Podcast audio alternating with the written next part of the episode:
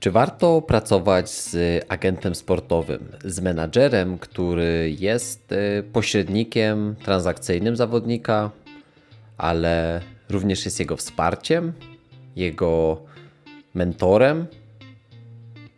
Jak było to powiedziane w rozmowie z moim dzisiejszym gościem, Arturem, menadżer i zawodnik muszą, muszą tworzyć team, muszą tworzyć drużynę która gra przede wszystkim do tej samej bramki.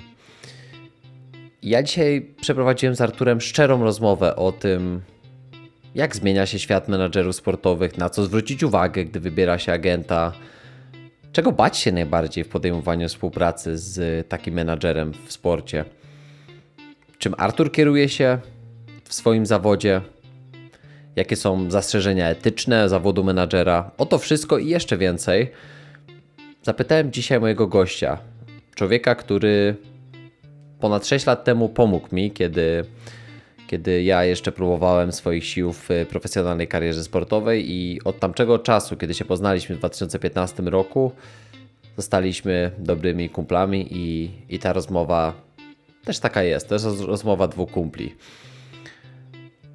Dlatego zapraszam Cię do niej już teraz. 78 odcinek podcastu Champions Way agent w życiu sportowca. Moim gościem jest Artur Zubel. Ja nazywam się Mateusz Brela. Witam Cię w podcaście Champions Way. Być może trafiłeś tutaj po raz pierwszy, a może jesteś moim słuchaczem czy słuchaczką już od dawna, bo ten podcast istnieje ponad dwa lata. Jak widzisz, jest to 78 odcinek, e, a teraz jak słyszysz, jest to już 78 odcinek, z czego bardzo się cieszę. Zmierzamy razem ku setce, a potem ku kolejnym setkom, mm, aż do tysiąca, dwóch, trzech i pięciu. Taki jest plan. Nie ma tutaj wyznaczonego końca tego projektu. Ja na co dzień zajmuję się psychologią sportu, treningiem mentalnym. Jestem sportowcem, bo uważam, że sportowcem się jest przez całe życie. Nie bywa się tylko wtedy, kiedy się ten sport uprawia profesjonalnie czy zawodowo. Ja cały czas uprawiam piłkę nożną e, na poziomie amatorskim, czwartoligowym i bardzo dobrze się e, bawię, lubię rywalizację i wyobrażam sobie właśnie sport jako taka nieodłączna część mojego życia. Lubię dobrą książkę, uwielbiam słuchać dobrej muzyki, lubię teatr, kino. To są takie moje pasje, hobby. Dużo się u mnie dzieje, a więcej wiedzy możesz e, uzyskać e, przychodząc do mnie e, na Instagram i Facebook, trener mentalny sportowca, gdzie dzielę się i szerzę tą wiedzę z zakresu treningu mentalnego i psychologii sportu, z czego się bardzo cieszę, bo realizuję swoją misję każdego jednego dnia. Zapraszam Cię raz jeszcze do 70, 78 odcinka podcastu Champions Way. Agent w życiu sportowca.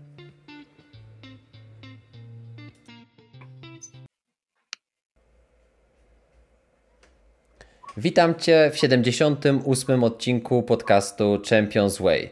Dzisiaj moim gościem e, jest wspominany e, ostatnio i wyczekiwany przez, e, przez zawodników, którym rzuciłem kilka, kilka ciekawych wątków i pytań, bo będzie dzisiaj moim gościem Artur Zubel, który jest agentem piłkarskim. Tak jak zapowiadałem, będzie, będzie to rozmowa mm, dotycząca właśnie tego, czym się kierować przede wszystkim w, w swoich wyborach E, menadżera, agenta. Sami mieliście wiele pytań związanych e, z tym, więc, więc chciałbym zapoznać Was dzisiaj troszeczkę z tą tematyką, bo zdaję sobie sprawę z tego, że jest ważna. Zatem witam Cię, Artur. Cześć Mati, dziękuję za zaproszenie. Bardzo mi miło, że możemy porozmawiać. Mnie również jest bardzo miło, dlatego że nasze rozmowy już niezmiennie od lat e, zawsze do, do fajnych wniosków prowadzą i, i po prostu dla nas jest to okazja, żeby, e, żeby, żeby się trochę napoić e, fajnymi, ciekawymi tematami i, i jak zawsze luźno sobie po prostu porozmawiać. Dziękuję bardzo, no i zaczynamy w takim razie. Dokładnie, dokładnie. Słuchaj, e, Artur, takie, takie typowe pytanie do każdego z moich gości, bo uważam, że, że najlepiej człowiek się przedstawia mhm. samemu, e, kiedy ma szansę powiedzieć o sobie e, kilka, kilka słów i, i to w taki sposób, jaki chciałby być przedstawionym. Więc powiedz mi, kim ty jesteś? Nazywam się Artur Zubel, jestem agentem piłkarskim, pośrednikiem transakcyjnym, teraz tak nazywa się agentów piłkarskich. Chociaż ja nie lubię słowa pośrednik transakcyjny, bo kojarzy mi się z osobą, która pośredniczy w transferze i na tym jego rola się kończy. agent okay. piłkarski, menadżer sportowy ma dla mnie większy wymiar. Nie tylko uczestniczy w transferze, ale też powinien opiekować się swoim zawodnikiem na co dzień. No ale do tego dojdziemy później. Współpracuję z zawodnikami z zagranicy ekstraklasy pierwszej, drugiej czy trzeciej ligi. Mm, pracuję od siedmiu lat. Jestem już dojrzałym agentem. Pracuję z wieloma klubami, wieloma zawodnikami ze świata, z Polski, z Europy. Y, już poruszyłeś bardzo fajny wątek y, w, kontekście tego pośrednika, prawda? Y, a, a, a, a różnicy pomiędzy agentem. Nie podoba mi się.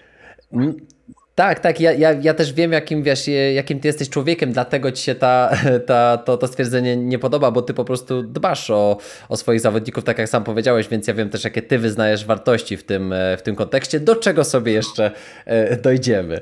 E, tak jak powiedziałeś. E, na wstępie chcieliśmy też oczywiście wspólnie poinformować, że podczas tego odcinka nie padną żadne nazwiska zawodników, z którymi Artur współpracuje, dlatego że postanowiliśmy i to jest bardzo, bardzo jasne i deklaratywne, że klauzula prywatności, którą, którą Artur e, stawia, jest po prostu czymś, co, co chcemy wszyscy uszanować. E, nikogo nie będziemy wyróżniać, nikogo nie będziemy deprecjonować, pozostaniemy, tak jak Artur przedstawił, na zawodnikach z wielu lig, e, nie tylko polskich, ale i zagranicznych. Sprawdzi, można w internecie wygooglować i zobaczyć, z kim pracuje.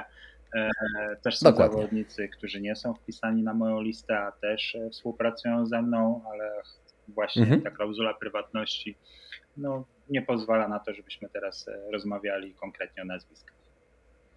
Mhm. Powiedz mi, y, Artur, bo to jest taka y, w mojej ocenie to jest taka niecodzienna droga, prawda? Bo to tak wydaje się, że, że ktoś może powiedzieć, chciałbym być lekarzem, chciałbym być adwokatem, e, wiesz, chciałbym być właśnie e, profesjonalnym sportowcem. W którym momencie ty powiedziałeś, chciałbym być agentem? Wiesz co, e, to sytuacja jest taka, że ja od zawsze kocham piłkę, ponieważ mój tata kocha piłkę. Gdy miałem rok, zabierał mnie w wosku na stadion Pogoni Szczecin, a później zawsze jak e, chodziliśmy razem na mecze, gdy byłem dzieckiem, oglądałem tą piłkę. Mój tata jest wielkim pasjonatem piłki nożnej i, i zaraził mnie tą miłością do piłki. Później jako młody chłopiec, e, jak większość chłopaków, grałem w piłkę e, prawie codziennie. Sam wiesz, jak, jak to było w tamtych czasach, że tornistry po, po szkole i, i rzucaliśmy i chodziliśmy grać w piłkę.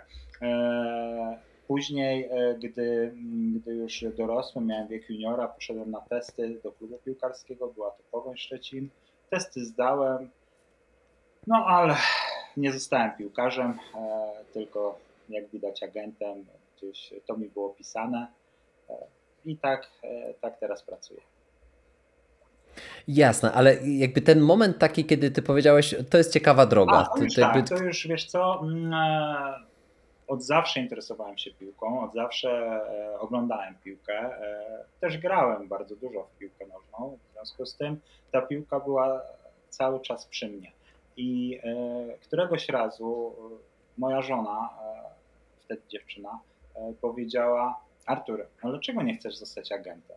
Przecież ty to kochasz, interesujesz się piłką, masz dużą wiedzę. Dlaczego miałbyś nie być agentem piłkarskim? Tak? I ja wtedy pomyślałem, Wiesz co? Dobre pytanie. Miałem wtedy, akurat byłem w takim okresie, okresie życia, gdzie zarządzałem, byłem dyrektorem generalnej bardzo dużej firmy ogólnopolskiej zatrudniającej ponad tysiąc osób, więc miałem bardzo intratną posadę. Nie musiałem z tego rezygnować, a mimo wszystko ta miłość do piłki przeważyła i e, chciałem zostać tym agentem i ta to, takie wsparcie żony, e, wtedy dziewczyny, e, pozwoliło na to, żeby, e, żeby jednak zdecydować się na bycie tym agentem. Jak to często też właśnie mm, rozmawiamy o tym, nieraz o tym mówiliśmy, jak to środowisko ma na nas duży wpływ, nie? Że... I na podejmowane kroki, które podejmujemy w życiu. Tak? Jeżeli masz osoby, które cię wspierają, widzą w tobie miłość, pasję do, do w tym przypadku, w moim przypadku do piłki nożnej mm, i, i, i gdzieś tam e, motywują, e, twierdzą, że będziesz dobry, żebyś spróbował, mhm. E, no to wtedy jest to niezwykle ważne i pomocne, no i dzięki temu też zdecydowałem się opuścić dużą firmę, opuścić bardzo i zostać agentem. Pierwsze kroki w takim razie, które postawiłeś, bo to już nam otwiera taki, taki wątek e, e, też nie tylko tego doświadczenia, o którym, o, o którym powiedziałeś z ostatnich lat, e, które, które mm, posiadasz, ale e, same takie kroki związane z kształceniem. Czyli powiedzmy pewnie około jakieś te 10 lat temu to musiało być, kiedy, kiedy zacząłeś podejmować tę decyzję, ok, idę w tą stronę, to jak to wyglądało z tej, z tej perspektywy takiej uczenia się? 8 lat temu i, i sytuacja mhm. była taka, że no, kształcisz się na doświadczeniu. Oczywiście e, w tamtym czasie trzeba było zdać e, egzamin licencyjny w Polskim Związku Piłki Nożnej, co uważam za bardzo dobre, e, a, a obecnie tego nie ma. To powodowało, mhm. że gdy pojechałem na wakacje, to zamiast się bawić, uczyłem się do tego egzaminu. E, uczyłem się codziennie, egzamin był niezwykle trudny. Mm, na 20 osób tylko dwie osoby zdały, ja i jeszcze jedna osoba. W związku z tym nie było łatwo, każdy się tego egzaminu mhm. bał. E, trzeba było e, przyswoić przepisy prawa, ekonomii, wszystkie, wszystkie przepisy, które są potrzebne do tego, żeby zostać tym agentem. I mhm. nie było to proste i wręcz przeciwnie, było to bardzo stresujące. E, więc e, zdałem ten egzamin, ale zdanie egzaminu nie powodowało, że nagle zostałeś wielkim agentem. To tylko pierwszy krok do tego, żeby e, móc pracować jako agent piłkarski, który przeszedł ten egzamin, który ma pewne kwalifikacje, które pozwalają mu na to, żeby być tym agentem piłkarskim. Obecnie tych egzaminów nie ma, ale to pewnie jeszcze będziemy rozmawiać na ten temat.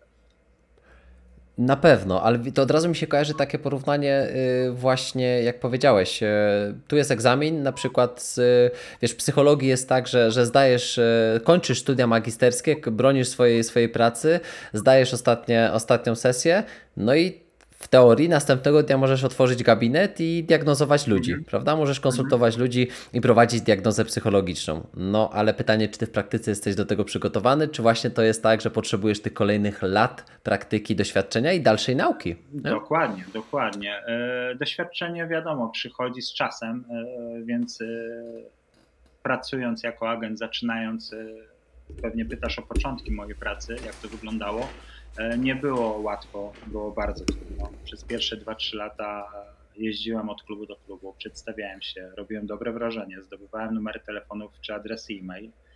E, środowisko piłkarskie jest specyficzne i mocno hermetyczne. To nie jest e, łatwy temat i, i, i tutaj naprawdę muszą Cię poznać, żeby Tobie zaufać. W związku z tym pierwsze 2-3 lata to było zdobywanie tych kontaktów, poznawanie ludzi, poznawanie środowiska, żeby w ogóle zaistnieć. Tak? E, nawet jak zdobyłeś numer telefonu, to nic z tego na początku nie wynikało, bo musisz mieć ciekawego piłkarza, aby zaproponować klubowi, a jesteś początkującym agentem. Więc jak przekonasz dobrego piłkarza do współpracy z tobą, gdzie konkurencja jest spora? To były mhm. trudne początki. No właśnie, tak, to, to, od razu y, rozpocząłeś ciekawy wątek, bo, bo te wyzwania na początku, ktoś by pomyślał, no teraz już jesteś ukształtowanym agentem, no ale przecież skądś ten pierwszy zawodnik musiał się wziąć, skądś ten pierwszy, drugi, piąty, dziesiąty numer musiał się y, pojawić w Twoim telefonie, nie? I teraz y, tak jak powie powiedziałeś i zdradziłeś poniekąd, e, wydaje mi się, że też jedną z, ze swoich ważniejszych e, wartości, jaką się kierujesz e, w swojej pracy, popraw mnie jeśli się mylę, ale, ale powiedziałeś o zaufaniu. Czyli, czyli zdobywanie zaufania i tak jak powiedziałeś, robienie dobrego wrażenia, przez co ja rozumiem u Ciebie, robie, robienie po prostu prawdziwego wrażenia i pokazywanie, kim Ty jesteś zgadza jako człowiek się, na pierwszym się, miejscu. Bo zawsze trzeba być sobą, zawsze nie możesz grać, bo ludzie to wyczują. E, można, wiesz, raz oszukać i później już nie pracować w danej branży. Ja zawsze podchodzę fair e, do pracy z piłkarzami, z klubami. E, dla mnie honor, zasady są na pierwszym miejscu i to, co ważne, konsekwencja, systematyczność, profesjonalizm. Nie wolno się załamywać, nie możemy pomyśleć, że nie damy rady. Musisz mieć plan, musisz być cierpliwy. Jednemu ten sukces przyjdzie szybciej, innemu później ale jeżeli będziesz konsekwentny i rzetelny, to dasz radę. Ja mam wrażenie, że to też jest tak, że, że, że jeżeli jakby sprzedajesz y, dobrze to, czym żyjesz y, potencjalnemu zawodnikowi, z którym, y, z którym przyjdzie, przychodzi ci później pracować, mm, i on patrzy na ciebie i widzi, że ty powielasz to w swoim życiu, czyli właśnie e, nie poddajesz się, próbujesz e, nawet gdzie, gdzie w momencie, kiedy ci odmawiają, e, nie zamykasz się na, na okazję i sytuację, w momencie, kiedy kilka razy już ktoś na przykład odmówił współpracy z jakimś zawodnikiem w, w klubie, to pokazujesz zawodnikowi, że no hej, trzeba być wytrwałym. To nie jest tak, że pierwsza, druga szansa ci się e, zamieni w wielki sukces. I wydaje mi się, że to wtedy jest taka prawda, którą przekazujesz zawodnikowi, kiedy go e, prowadzisz. Wiesz, razem z zawodnikiem musimy chcieć osiągnąć ten sukces. E, to jest podstawowa zasada. Jeżeli agent będzie chciał bardziej niż zawodnik, to nic się nie uda. I zawodnik, mhm. i agent muszą działać w jednym teamie, tak? w jednej drużynie. To musi być bezgraniczne zaufanie bezgraniczna chęć osiągnięcia tego sukcesu, e, praca i to ciężka praca agenta, który jeździ po klubach, e, dzwoni do klubów, przekonuje, promuje zawodnika, no i zawodnika, który ćwiczy, trenuje i, i, gra w piłkę po to, żeby być coraz lepszym piłkarzem, tak? bo no, chcemy się rozwijać i chcemy po prostu osiągać te sukcesy. Więc to musi być e, team e, złożony i z agenta, i z zawodnika, żeby osiągnąć sukces. Bez zawodnika nie ma agenta. Bez agenta może być zawodnik, tak, może być, ale w obecnych czasach jest coraz trudniej e, i teraz prawie każdy zawodnik Mhm. To też to, to znowu podobnie, podobne jest porównanie w, w psychologii, bo istnieje sport i, e, i, i sportowcy e, i ich sukcesy bez psychologów, e, ale sama, samo funkcjonowanie zawodnika nie istnieje bez psychologii. Czyli, czyli to jest tak, że, że ta głowa jest nieodłączną częścią tego, tego, tej dziedziny. I, I jasne, zawodnicy osiągają sukcesy bez psychologów w sporcie, bez tej pomocy, ale e, jeżeli chodzi o, o to, jak funkcjonuje. To są jednostki też, tak? To są silne jednostki, ale tak. zazwyczaj każdy zawodnik teraz jest świadomy, że psycholog, trener mentalny jest potrzebny trener przygotowania fizycznego, odpowiednia dieta, e, bo konkurencja tak. w piłce jest ogromna. E, ja zawsze powtarzam swoim piłkarzom, że klubów jest kilkaset, a zawodników jest kilkaset tysięcy, jak nie milionów. Tak. W związku z tym, żeby osiągnąć sukces, nie grać na poziomie drugiej, trzeciej czy czwartej ligi, tylko grać gdzieś więcej, gdzieś dalej, gdzieś w większym, lepszym klubie, no to musisz ciężko pracować i mieć odrobinę szczęścia przy okazji. Mhm. Słuchaj, Artur, bo tak właśnie już, już zacząłeś o tym mówić, ale zanim przejdziemy do perspektywy zawodnika, bo ta na pewno ciekawi e, naszych, naszych słuchaczy, to powiedz mi dzisiaj, już po latach, e, czym ty się kierujesz w doborze swoich, e, swoich zawodników jako, jako agent? Na co ty zwracasz uwagę? Co ja bym pomyślał, że mogłoby być też taką uniwersalną podpowiedzią dla każdego zawodnika i zawodniczki do tego, na czym się skupiać, albo na co oni też powinni zwracać uwagę, nie? bo jakby ty dzisiaj już jesteś selektywnym mhm. agentem. E, wiesz co, no przede wszystkim na e, sukcesy, jakie osiągają. Przecież e, wiadomym jest, że teraz wybieramy jako agenci, którzy są już na tym rynku, zawodników, którzy kwalifikują się do, osiągnięcia sukcesu. Są zawodnicy, którzy minimalizują ryzyko porażki, ponieważ są powoływani do kadry e, młodzieżowej, e, narodowej, e, osiągają sukcesy w swoich zespołach klubowych, wyróżniają się na tle innych rówieśników, tak? W związku z tym oni są łakomym kąskiem na rynku menedżerskim i przede wszystkim o takich zawodników agenci mm, gdzieś próbują ich zdobyć. Tak? E, to jest przede wszystkim, zawodnik musi sam zwrócić na siebie uwagę e, poprzez dobrą grę na boisku, poprzez e, dobre ćwiczenia na treningu, poprzez odpowiednie zachowywanie się na tym treningu. To są ważne rzeczy, które uważam, że są priorytetem przy wyborze zawodnika. Jasne, ale w takim razie, czy to jest tak, że niekoniecznie jakby ty prywatnie, ale, ale czy też uważasz, że, że to jest tak, że zawodnicy, którzy e, dzisiaj są na szczeblu centralnym na przykład, e, powiedzmy, wiesz, e, te centralne ligi juniorów już teraz funkcjonują od U15, nie? czyli U15, U17 i U18, to jeżeli oni nie występują na, tych e, szczeblu, na tym szczeblu e, narodowym, czyli nie są powoływani do, do kadry Polski, czy, czy wcześniej tam do Akademii Młodych Orów, czy tam U14 jeszcze, prawda? E, zaraz też dojdziemy do tego, czy to wiek ma jakieś znaczenie, ale czy uważasz, że ci zawodnicy, którzy nie są jeszcze być może powoływani do tych kadr, kadr narodowych, są zawodnikami dobrymi na swoich poziomach, ale nie jakimiś super jeszcze wyróżniającymi się, czy oni jakby jeszcze nie mają szans, nie, czy to właśnie oni muszą na siebie bardziej zwrócić co, uwagę? Każdy zawodnik ma szansę.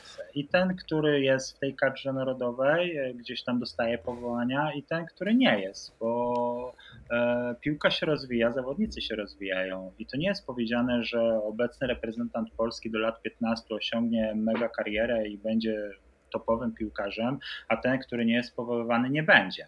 E, to nie jest mhm. prawda i tak nie jest, tylko zadajesz pytanie, na co zwracamy jako agenci selektywni uwagę przy pierwszym wyborze zawodnika. W związku z tym zwracamy uwagę na to, jakie on ma obecne sukcesy na dzień dzisiejszy. Tak? Jeżeli jest to zawodnik, który jest powoływany do kadry, e, wyróżnia się w swoim klubie, to wiadomo, że do niego pierwszego e, gdzieś e, się odezwiemy, a nie do tego, który jest na przykład 12, 13 czy 15 wyborem trenera w danym klubie. To tylko w tym sensie odpowiedziałem na to, że zawodnik, te, jeden jest tym łakomym kąskiem, tak? tym, tą, tą, tym zawodnikiem, którego agenci bardziej chcą u siebie. Ale to nie jest powiedziane, że ten 13, 14, 15 zawodnik, który jest obecnie w kadrze zespołu, nie może osiągnąć sukcesu i nie może przebić wszystkich innych zawodników, z którymi grał i być najlepszym zawodnikiem z całej tej grupy. Mhm. Jasne i wiesz, i teraz, bo to też ja, ja nie chcę popadać w skrajności, prawda, że to wiesz, że 15 zawodnik ma takie, taki, taką samą szansę jak być, e, numer tak jeden na przykład. Być, bo takie są przypadki z życia wzięte, zawodników, którzy osiągają Jasne. topowe e, rekordy świata, e, topowe jakieś tam historyczne e, rekordy pobijają, a nie, nie chcieli ich w naszych klubach. No nie będę mówił o nazwiskach, masz, masz ale rację. wszyscy wiemy o jakich zawodników chodzi. Jasne, masz rację. I, to, I tak jak mówisz, to są przypadki. Nie? To, są, to są e, jednostki, które e, często potwierdzają regułę i tym też każdy może się kierować, jeżeli dzisiaj jest sytuacji takiej, że jest faktycznie tym 13, 14 czy 15 zawodnikiem, ale też nie można tego brać jako pewnik, no nie. Nie? Że, to, że to na pewno, na pewno wyjdzie. Ale mnie chodziło o takie też uśrednienie, bo załóżmy, nie jesteś 13, ale nie jesteś pierwszy, czyli jesteś pewnie gdzieś tam e, szósty, mhm. siódmy, czyli jesteś wyborem, ale takim może e, nie do końca jeszcze. E, yy, oczywistym. Nie? Yy, jakby nie jesteś tym pierwszym wyborem. I teraz być może przechodząc bardziej do perspektywy zawodnika, czy powiedziałbyś, że ten szósty, siódmy zawodnik, to oni muszą wykonać jakby więcej tej pracy, żeby przed tym menadżerem się pokazać, żeby zasugerować, hej, ja jestem. E, tak, tak. I że to po ich stronie powinna leżeć Oczywiście, właśnie ta tak. aktywność? Masz, masz 100% racji, Mati. To zawodnik powinien pokazać, że jest wart uwagi, e, że jest ciekawym zawodnikiem i wtedy nie będzie miał problemu e, z kontaktami z menadżerem, bo menadżer sam się do niego odezwie, tak? ale to zawodnik musi zrobić pierwszy krok na boisku, pokazać swoją jakością, swoją ciężką pracą, e, swoim podejściem, tak jak wcześniej wspomniałem, do treningów, do, do diety, do regeneracji, e, być po prostu profesjonalistą od najmłodszych lat. Jeżeli będzie to robił, będzie myślał o sukcesie, będzie ciężko pracował, będzie otaczać się dobrymi ludźmi e, w postaci rodziców, którzy wspierają, dziewczyny, która wspiera, tak jak w moim przypadku żona mnie namówiła na bycie agentem piłkarskim. E, dodatkowo będzie miał to szczęście, że będzie mógł sobie pozwolić na trenera mentalnego, trenera przygotowania fizycznego, mieć odpowiednią dietę, to w tym momencie e, jestem przekonany, że ten sukces e, musi nadejść. Tak? I ten szósty, siódmy, ósmy zawodnik nagle będzie pierwszym, drugim czy trzecim zawodnikiem. Mhm, jasne. I teraz y, to, to, co ty mówisz, to też mi się w ogóle jakby łączy bardzo z tym, w co ja wierzę, bo, bo to wszystko, co wymieniłeś, to są też przywileje dla zawodnika, nie? czyli praca właśnie, współpraca z menadżerem, z, e, z trenerem mentalnym, właśnie psychologiem, e, z dietetykiem, z trenerem przygotowania motorycznego, na przykład indywidualnie. To są wszystko przywileje i to jest jakby szansa dla zawodnika, żeby zrobić szybciej ten jeden albo dwa kroki do przodu niż rówieśnicy. Dokładnie. Powiem Ci, że z doświadczenia nawet y, tak naprawdę mógłbym mieć 200, 300 czy 400 zawodników nie przesadzając. I pewnie podobnie mhm. inni agenci, ponieważ y, wielu zawodników z Polski, ze świata, mniej znanych, pisze do każdego z nas, każdego agenta. No ale nie możemy sobie pozwolić na tak e, dużą ilość zawodników w agencji, ponieważ nie będziemy mogli się nimi odpowiednio opiekować. Nie będziemy mieli czasu dla mhm. każdego. W związku z tym musimy wybierać. I teraz, żeby wybrać, no to staramy się minimalizować ryzyko i wybrać tego zawodnika, który daje nadzieję na osiągnięcie sukcesu. Bo ja na początku, jak Jasne. zaczynałem pracę, ja chciałem każdego, e, nie brałem każdego do siebie, ale każdemu chciałem pomóc. Każdemu doradzić bez umowy, nie ma problemu. Masz jakiś problem, zadzwoń, odpowiem. E, gdzieś masz e, jakieś pytania, dzwoń, napisz maila, odpowiem. Ale później zrobiło się tak dużo tego, że trzeba selekcjonować, wybierać odpowiednich zawodników, ponieważ żeby utrzymać jakość i odpowiedni poziom współpracy z zawodnikami, musisz po prostu e, no, mieć tą wyselekcjonowaną grupę. Nie możesz sobie pozwolić na to, że będziesz miał kilkuset zawodników y, i, i nagle każdy będzie zadowolony. To tak się po prostu nie da.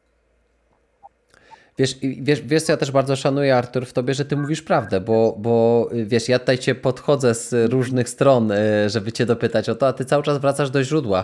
Jeżeli twoje wyniki, twoje podejście Twoja determinacja, Twoja wytrwałość yy, i te wszystkie aspekty, które otaczają Ciebie jako, jako, jako sportowca, nie krzyczą i nie mówią, yy, wiesz, krzyczą, mówię już tak z takim, wiesz, z takim podkreśleniem tego, że to jest dobry materiał, bierz go, tak, bierz mnie. Yy, to ciężko jest dzisiaj dostać się do prestiżowego menadżera i być może dla, dla kogoś, kto teraz tego słucha, to jest taka myśl, kurczę, no to to ja nigdy się nie dostanę takiego no, menadżera. Właśnie. Może nie no dzisiaj. Właśnie. Dlaczego ma tak pomyśleć? A może by pomyślał inaczej? Może powinien pomyśleć, ok, może za mało pracuję. E, dzisiaj jestem 15 wyborem trenera, ale e, zrobię wszystko, żeby być w pierwszej jedenastce, zrobię wszystko, żeby grać jak najlepiej, zrobię wszystko, żeby się wyróżniać, żeby dawać mhm. asysty, strzelać bramki i nagle będę, będę chciany przez te największe agencje piłkarskie, tak? No bo teraz, jeżeli jestem jakimś tam piłkarzem X w jakimś tam klubie i wyślę swoje CV do agencji, to na 99% ta agencja podziękuje za współpracę i nie przyjmie mnie do swojej, do swojej agencji. Ale gdy nagle zacznę być dobrym piłkarzem, wyróżniającym się, to nie znaczy o to, to nie znaczy to, że ty masz już być gwiazdą, bo jeżeli jesteś gwiazdą, to już tak. zazwyczaj masz menadżera już ciężko wtedy przekonać ciebie do zmiany menadżera, jeżeli jesteś oczywiście zadowolony ze współpracy ze swoim agentem, ale chodzi o tak. to, żebyś zrobił coś więcej niż twoi rówieśnicy, żebyś zrobił 11 pompek, a nie 10, jeżeli trener o to prosi, e, żebyś e, odpowiednio się regenerował, żebyś e, nie grał w PlayStation do drugiej, trzeciej w nocy, żebyś myślał o sukcesie, ja proszę swoich zawodników o to, żeby też czytali biografie wielkich sportowców, bo to jest e, wielka nauka i fajnie się czegoś dowiedzieć od ludzi, którzy osiągnęli ten sukces. Więc e, proszę, przeczytaj Cristiano Ronaldo biografię, przeczytaj Messiego, przeczytaj Ibrahimowicza, zobacz, zobacz jak oni cierpieli, e, ile w życiu musieli przejść, żeby osiągnąć te sukcesy, które obecnie mają. I jeżeli będziesz się starał, zdrowie dopiszę, zdrowie, bo to jest bardzo ważne, żeby nie mieć kontuzji, żeby mieć ich na jak najmniej, bo każdy sportowiec ma kontuzję, ale jeżeli zdrowie dopiszę i szczęście do trenerów, które ja uważam, że trzeba mieć szczęście do trenerów. To, to prawda. jest naprawdę e, jeden z priorytetów mieć szczęście do trenerów. Oczywiście szczęściu trzeba pomóc poprzez ciężką pracę, poprzez pokazywanie się odpowiednio na treningach, poprzez przekonanie tego trenera, żeby mnie wystawił, żebym ja grał w tym meczu, a nie kolega na przykład, tak? Ale wiemy doskonale, że no, jest tylko 11 na boisku, w kadrze jest e, dużo więcej piłkarzy, no i gdzieś trener musi dokonywać tych wyborów, tak? I jednego wystawi, drugiego nie. Wiesz, ja lubię, ja lubię takie, takie stwierdzenie, że szczęście to jest okazja, która spotyka y, osobę przygotowaną. Mhm bo, bo jak się zastanowimy, ja często podaję takie, takie dwa scenariusze w kontekście właśnie budowania e, tego, tego, tej pewności siebie, tej wiary w siebie, która bazuje przede wszystkim na doskonałym przygotowaniu. To jest jedna część właśnie budowaniu pewności siebie. Im, im lepiej jesteś przygotowany, tym bardziej wierzysz w swoje możliwości tu i teraz, bo pewność siebie w dużej mierze to jest stan e, emocjonalny, który ci towarzyszy teraz. Nie? To też jest oczywiście cecha względnie stała, która jest uwarunkowana e, z cechami, nie cechami, tylko elementami środowiskowymi, prawda, otoczeniem, wychowaniem i tak dalej, ale zakładamy, że tu i teraz y, masz większy spokój, mniejszy stres, kiedy jesteś lepiej przygotowany. I masz dwie sytuacje. Jak zadbasz o wszystkie aspekty, które między innymi właśnie ty, Artur, wymieniłeś wcześniej, to wychodzisz na mecz i ty jesteś tym przygotowanym człowiekiem, który czeka na okazję. Tą okazją może być Artur, który przyjechał na trybuny oglądać jakiegoś innego zawodnika i nagle zobaczy, że jakiś e, Iksiński jest tym przygotowanym, który nagle wyróżnia się, bo gość pracował ostatnie trzy miesiące, żeby w tym meczu, na przykład derbowym Poznania niech będzie, tak, e, jesteś młodym zawodnikiem, warty powiedzmy i dostajesz szansę w pierwszym składzie, bo sobie zasłużyłeś przez ostatni kwartał twojej pracy, no i Artur nagle się zjawia na tym meczu, bo ma zawodnika w Lechu Poznań powiedzmy e, i ty się rzucasz w oczy. I to jest okazja, nie? Czyli ty jesteś Artur okazją, a człowiekiem przygotowanym jest ten, którego zastaniesz. A jak siedział na PlayStation, grał do drugiej, trzeciej, olewał, e, wiesz, jadł sobie y, Seven Daysy zamiast, wiesz, zamiast y, jakiś, nie wiem, pełnoziarni, pełnoziarnistego pieczywa po treningach, czy wiesz, czy pił kolorowe napoje gazowane i tak dalej, zamiast nawadniać się dużą ilością wody i tak dalej. No to okazja będzie dalej na tym meczu. Ale kogo spotka? Dokładnie, dokładnie. masz, masz rację.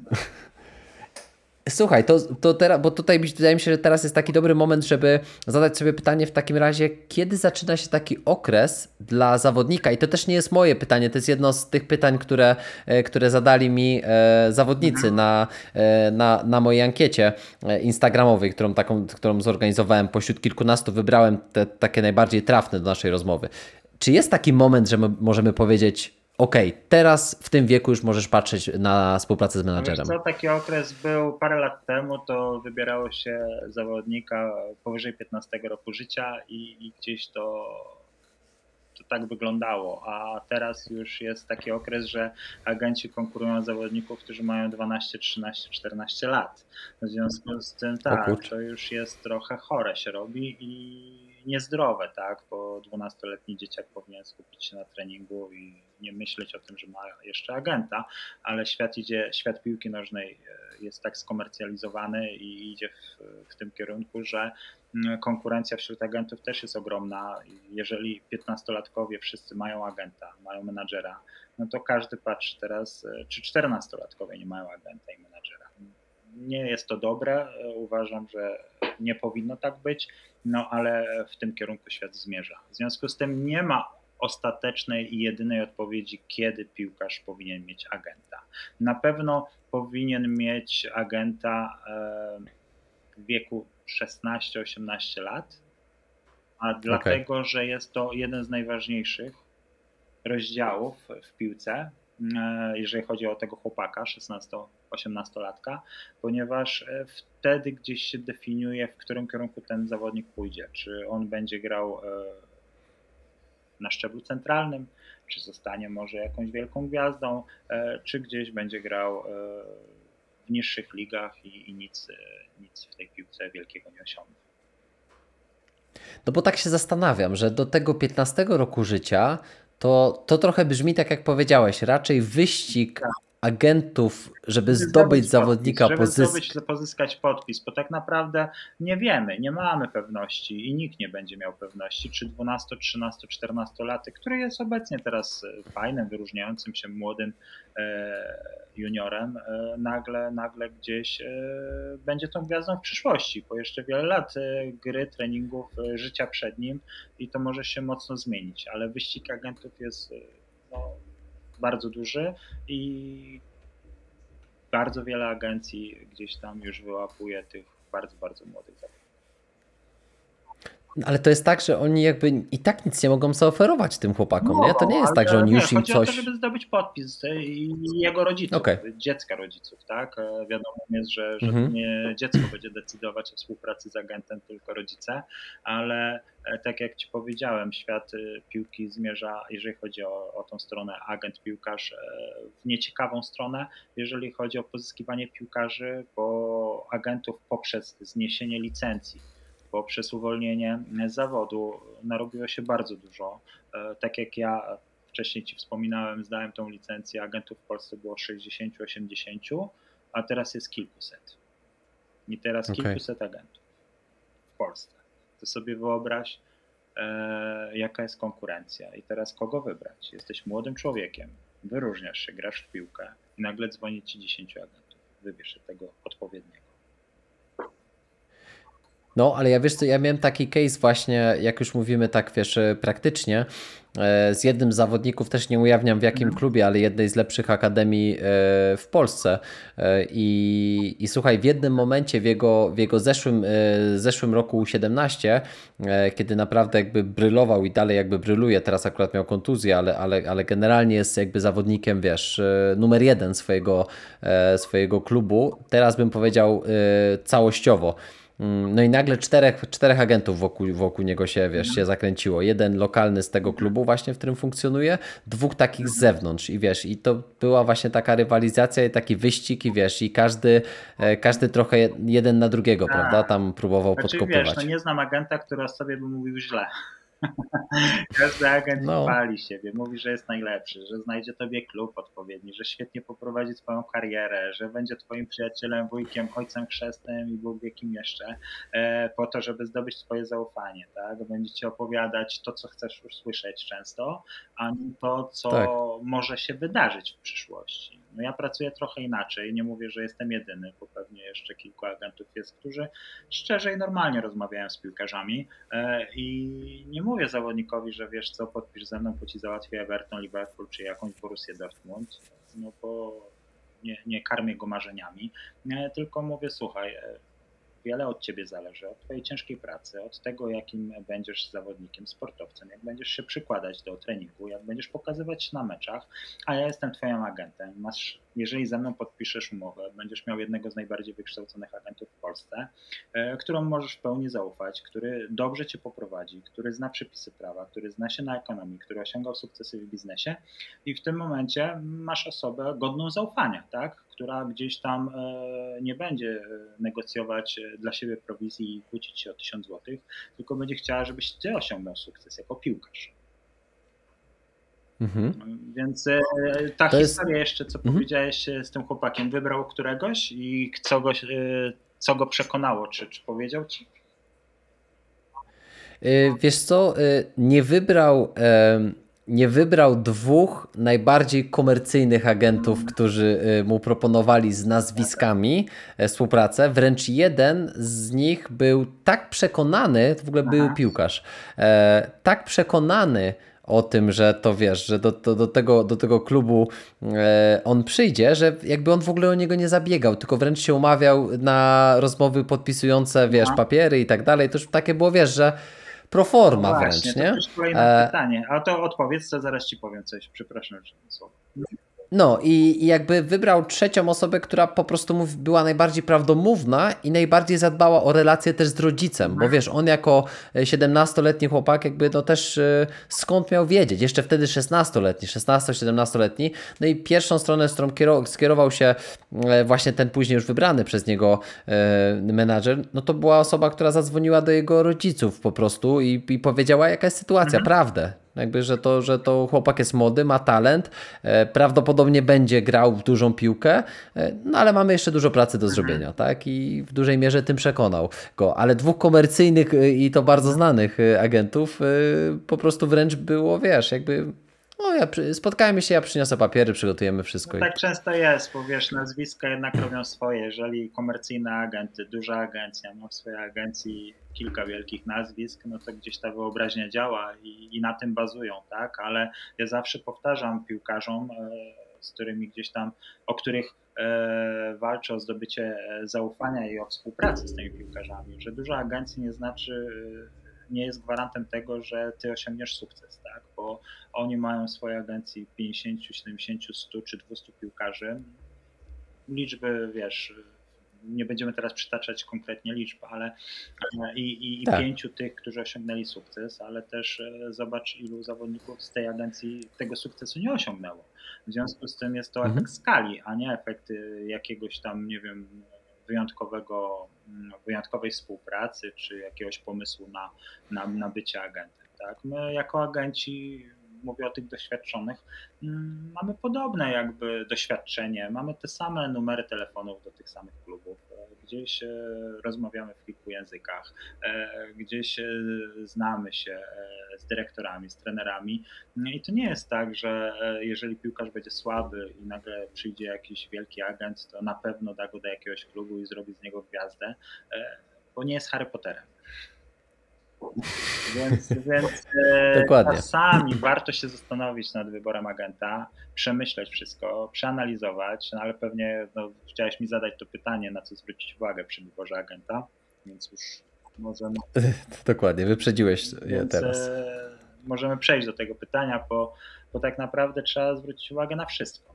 Na wykształcenie, jaki agent ma, bo wykształcenie też jakby pokazuje, kim jest ta osoba. Na doświadczenie czy pracuje w piłce, ile lat pracuje, z jakim piłkarzem, co osiągnął, e, czy pracuje na szczeblu centralnym, czy gdzieś tam ma sukcesy transferów zagranicznych. E, to też jest bardzo ważne. Z jakimi zawodnikami pracuje? To jest kolejna, mm, kolejny punkt, na, na który trzeba zwrócić uwagę, ale z jakimi pracował i dlaczego się rozstał? bo to też trzeba wziąć pod uwagę. Agent, który przyjedzie i będzie rozmawiał z tobą o podpisaniu umowy, będzie mówił tylko o tych, z którymi pracuje i z którymi osiągnął sukces. Więc nie powie mhm. o, o, swoich porażkach, no bo nikt nie chce mówić o swoich porażkach. No i teraz e, wiesz, musisz przeanalizować to, musisz zobaczyć, e, poznać tego agenta. To, co jest ważne, e, nie podejmować pochopnie opinii. To jest najgorsze, co może być. Nie podejmować pochopnie opinii, bo przyjedzie ktoś fajnym samochodem, położy kluczyki na stole, gdzieś tam zaimponuje tobie, poopowiada, pokaże zdjęcia, pokaże zdjęcia z Bayernu Monachium, bo był na treningu, pokaże zdjęcia, nie wiem, z Manchesteru City, gdzieś ze stadionu i nagle mówisz, wow, świetny agent, światowy, wszystko ok. E, posłuchaj, pomyśl, podziękuj za spotkanie, i przemyśl to spokojnie. Daj sobie tydzień, dwa tygodnie na zastanowienie się. Spisz sobie pytania, które chciałbyś agentowi zadać, z którym ewentualnie chciałbyś podpisać e, umowę. E, niech odpowie na to pytania, na, na te pytania. Niech, niech nie krępuj się przy zadawaniu pytań. Zadawaj pytania, co w takiej sytuacji, co w takiej sytuacji, co zrobić, czy mi pomożesz, w czym mi pomożesz. Więc pierwszy to nigdy pochopnie nie podpisywać umowy. E, drugie, mm, nie podpisywać umowy, jeżeli już podpiszesz umowę, na jakieś dłuższe okresy. To też jest najgorsze, co może być. A zdefiniuj dłuższy, dłuższy okres. okres. Wiesz co, w, tak jak e, mieliśmy te egzaminy licencyjne, to wtedy e, sugerowany okres podpisania kontraktu agenta z piłkarzem to był okres dwóch lat. E, teraz wiem, że agenci podpisują umowy na 4, 5, 6 lat i więcej. To taki standard nawet mi się wydaje, że oni chcą tak, tak 4-5 lat tak, to minimum. A to jest bardzo długi okres. Jak może się no zmienić, no pewnie. piłkarz może się zmienić, e, wszystko się może zmienić. W związku z tym e, ja standardowo zostaję przy dwóch latach umowy z piłkarzem. Uważam, że jeżeli jestem dobrym agentem, za którego się uważam, e, pracuję fair, pracuję profesjonalnie, e, jestem e, w 100% uczciwy z zawodnikiem, wspieram go w trudnych momentach, no to po dwóch latach przedłuży ze mną umowę, a jeżeli nie przedłuży, to mi powie dlaczego. I, no, to będzie tak, lekcja tak, też, nie? Dla ciebie i wtedy. Tak powinno, tak powinny umowy wyglądać. Nie powinny być jakieś długoletnie, bo wiesz, e, pod wpływem chwili, pod wpływem emocji możesz podpisać umowę na 5 lat z kimś, kogo tak naprawdę nie znasz. I mhm. w tym przypadku się okaże, że ta osoba była fajna wtedy, kiedy podpisywaliście tą umowę, ale kiedy ci się powinęła noga, kiedy masz kryzys jako piłkarz, e, nagle no, ta pomoc, która miała być, nadchodzi. A 5 lat jesteś z tym agentem związany. Tak? W związku z tym przede wszystkim krótkie umowy, dwuletnie to jest takie taki standard, który uważam, że powinien być i, i, i więcej, więcej bym nie sugerował. Mm, przemyślenie tego, czy to jest odpowiedni agent, zadanie pytań agentowi, uzyskanie na nie odpowiedzi, sprawdzenie, czy ma E, wykształcenie i jakie, bo to też jest ważne. To, co powiedziałeś, że e, jakiś agent, były piłkarz tam próbował tego, tego chłopaka e, z tego klubu zwerbować, tak? No ale mhm. to odpowiedz sobie na pytanie, czy Jorge Mendes, Mino Raiola to są byli piłkarze? Nie. Py, no, pytasz też... Pyta. Jorge Mendes, Mino Raiola no. to nie są byli piłkarze, to są biznesmeni. No nie kojarzę, żeby, no nie kojarzę, żeby grali z tym jakoś, to, wiesz. że ktoś grał w piłkę w ekstraklasie, mhm. na jakimś tam poziomie, nie oznacza, że on będzie świetnym agentem. No pewnie. E, przeanalizuj całościowo. Przeanalizuj tego, tego agenta pod e, wieloma względami. Pod e, tym, jaką jest osobą, jak ma ustatkowane życie, co osiągnął w życiu, co osiągnął w życiu więcej niż grając w piłkę, czy, czy może rozwinął jakiś biznes, czy mi w czymś pomoże, bo na przykład ja jako agent pomagam zawodnikom przy wyborze leasingu samochodu, przy ubezpieczeniu, w różnych innych kwestiach, takich prywatnych, życiowych. I, I, każdy agent może do mnie, każdy agent, każdy zawodnik może do mnie się zgłosić i zapytać o kwestie życiowe, tak? Jeżeli będę mógł w stanie odpowiedzieć na, na, na zadane pytanie i pomóc, no to z chęcią to zrobię. E, więc bardzo skrupulatnie podchodzić do umów e, i, i, i pięć razy się zastanowić, zanim się podpiszą umowę e, z agentem, tylko dlatego, że reprezentuje takiego czy takiego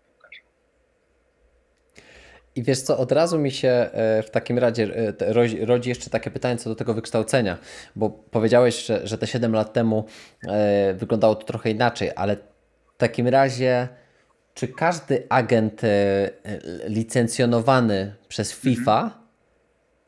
Bo ty jesteś wpisany na tej stronie, bo ja jeszcze mhm. pamiętam 6 lat temu jako zawodnik, ja ciebie tam znalazłem.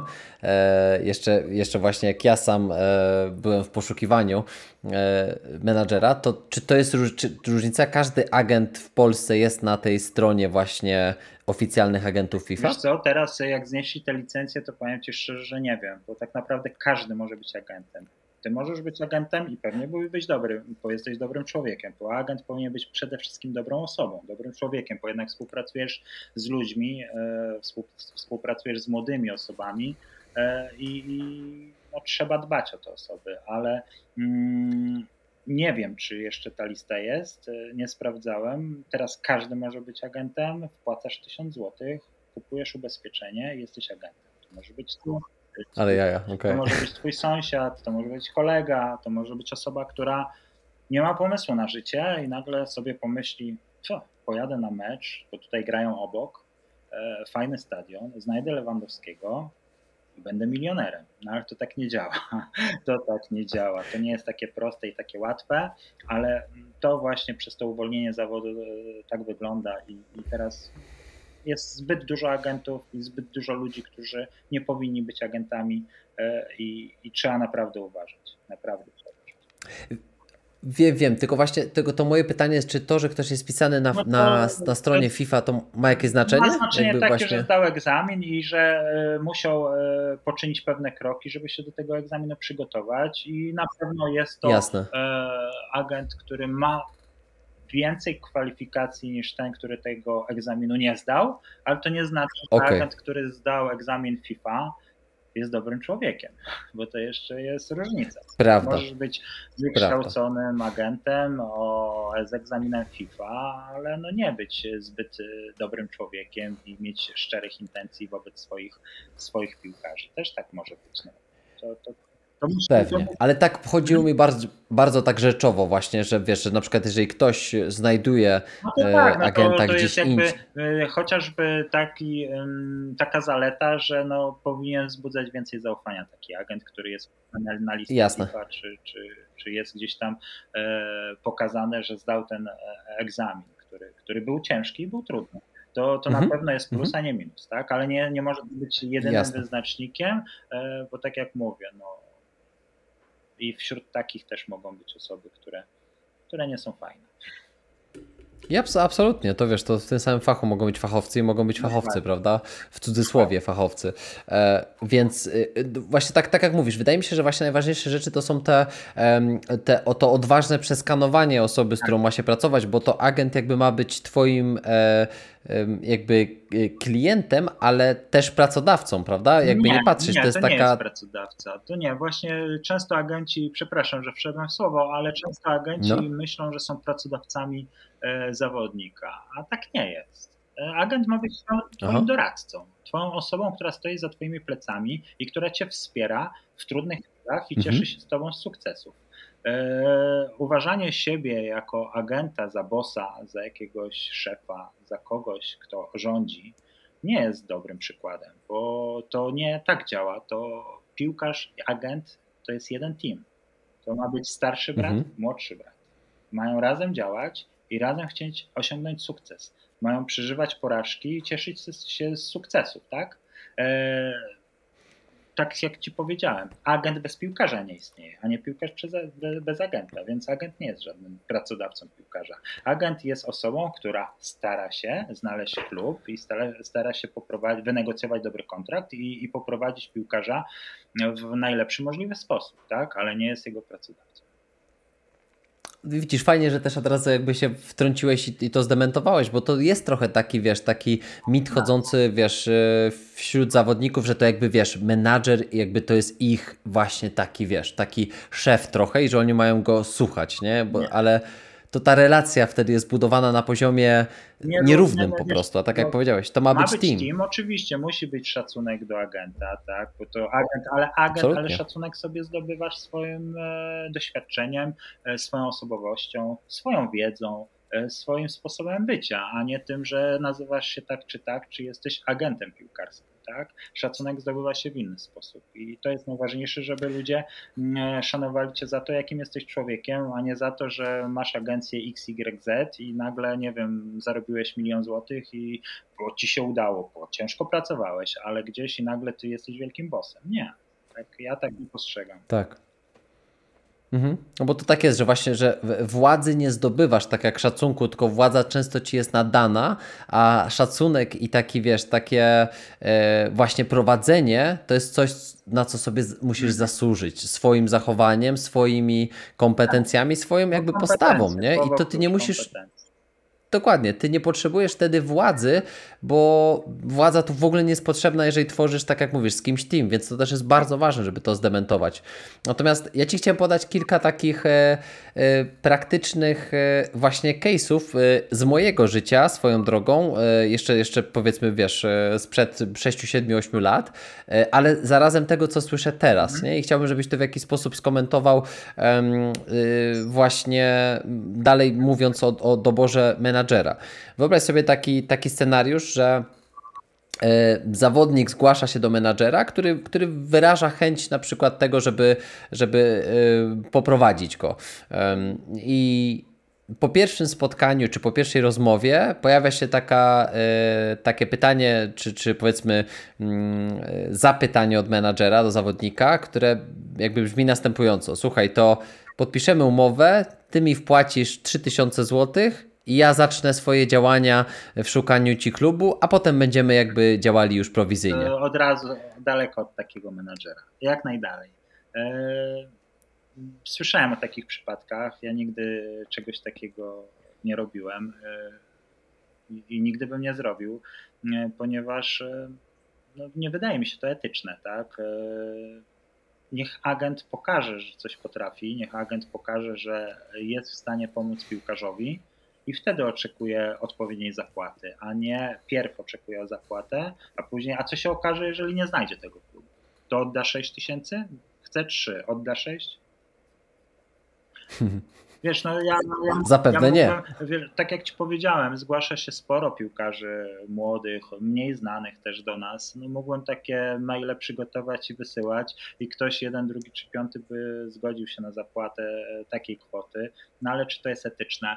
E, ci chłopcy często pisząc do agenta, e, no chcą osiągnąć ten sukces, marzą o tym. Nie wiem, czy przygotowują się do tego sukcesu odpowiednio, czy robią wszystko, ale gdzieś wierzą, że ten agent pomoże temu chłopakowi znaleźć odpowiedni klub, e, poprowadzić, gdzieś pomóc, podać pomocną dłoń, e, więc no, trudno od razu brać pieniądze od chłopaka, nic nie pokazując ze swojej strony jako agent. To tak też myślałem, że, że taka będzie Twoja odpowiedź. To ja teraz wtrącę jeszcze pytanie takie do Ciebie, bo Widzisz, dla mnie to jest oczywiste, bo jakby my się znamy od lat, mhm. rozmawiamy o tym, ale chciałbym, żebyś też powiedział e, tak oficjalnie, bo tak teraz mi przeszło przez głowę, że w sumie to nie zadaliśmy tego pytania, ja nie zadałem tego pytania na początku, a to takie kluczowe. Jak zarabia agent sportowy, agent, agent piłkarski? Spojrzymy, spojrzymy. z prowizji. E, agent e, pracuje z piłkarzem, opiekuje się nim, wspiera go, e, wynegocjuje kontrakt i jeżeli wynegocjuje kontrakt, e, to ma prowizję. Zazwyczaj jest to 10% od e, kwoty rocznego zarobku piłkarza. Mhm. I teraz prowizję płaci e, prowizję, kto? Ja i większość agentów staramy się, żeby prowizję płacił klub. Okay. Żeby to mhm. cedować na klub. Ale zdarza się ostatnimi czasy, że kluby mówią, ale dlaczego? Przecież to agent prosi was o znalezienie klubu to wy, jako w cudzysłowie pośrednictwo pracy, szukacie mu klubu. W związku z tym za wykonaną pracę powinien zapłacić piłkarz. I w tym przypadku, jeżeli mhm. klub mówi, nie płacimy prowizji, niech piłkarz zapłaci, no to wtedy rozmawiamy z piłkarzem i zazwyczaj piłkarz e, rozlicza się z agentem, tak? To, to nie jest problem, ale wszystko jest uzgadniane przed a nie po dokonaniu transferu, tak? Bo to też jest ważne, żeby mieć jasną, jasną sytuację, żeby nie było sytuacji, że mm, agent e, załatwia klub zawodnikowi, e, wszystko jest fajnie, podpisują i nagle agent mówi, dobra, a teraz mi zapłać tyle i tyle. To powinno wcześniej być uzgodnione. Okay. Tak, żeby nie było żadnych spięć, okay. żadnych nieporozumień, e, żadnych nieścisłości.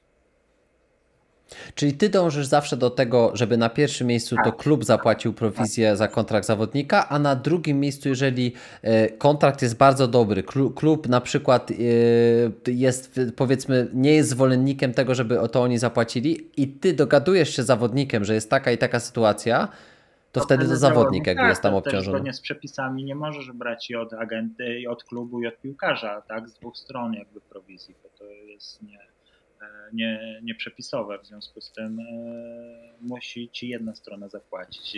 W moim przypadku jest to tak, że w 90, grubo ponad 90% staram się i tak mam, że to kluby płacą prowizję agencji, a nie piłkarz. W związku z tym są piłkarze okay. u mnie w agencji, którzy e, nie zapłacili mi ani złotówki. Dokładnie, a mimo wszystko zarobiłeś w cudzysłowie na tak, nich, prawda? Tak, no oczywiście, mimo wszystko we współpracy. Bo to wiadomo, że we współ... Dokładnie, bo to mówimy, y, wasz team zarobił wspólnie. Zawodnik, Zawodnik zarobił klub i kontrakt. kontrakt, a ja zarabiam, po ten kontrakt wynegocjowałem dla niego, no i dla siebie. I tak jak powiedziałem, standardowo e, gdzieś jest to ustalone na poziomie 10%, ale kluby też schodzą z tymi prowizjami, proponują 5, proponują 6, 7, a nawet 3, gdzie jest sugerowane przez FIFA, żeby agenci zarabiali 3%. Okej. Okay. Okej, okay, rozumiem. Czyli tutaj to też jest w dużej mierze e, etyka menadżera, prawda? W jaki sposób się, się zachowa. Wiesz, Wiesz dlaczego Cię o to pytam? Bo, bo yy, znam osobiście yy, zawodnika trzecioligowego i jakby na tym się informacje o nim skończą, yy, który y, płaci 10% y, swojego miesięcznego kontraktu y, menadżerowi i przy podpisaniu kontraktu nagle menadżer na przykład wymyślił sobie, że, że słuchaj Y, jeszcze tysiąc złotych musisz mi tutaj dopłacić, bo ci wynegocjowałem dobry kontrakt. I nagle, tak wiesz. wiesz, to mówimy o jakichś dziwnych menadżerach, tak? Mówimy o menadżerach bez etyki, e, którzy potrzebują tego tysiąca złotych na życie. E, nie wiem. Mi by było. A wiesz, co się, a wiesz, co się jeszcze później okazało? To najśmieszniejsze. I to wyszła, wyszła najgorsza chyba możliwa e, nieetyczna sprawa, bo okazało się, że prowizję zapłacił no jeszcze właśnie, klub. Więc, e, temu, temu menadżerowi. Sobie, odpowiedziałeś na to, jakich mamy agentów w Polsce. E, część agentów w Polsce, część jest porządna, bardzo fajna i bardzo dobra. E, I jak nie powinien e, agent piłkarski się zachowywać, tak?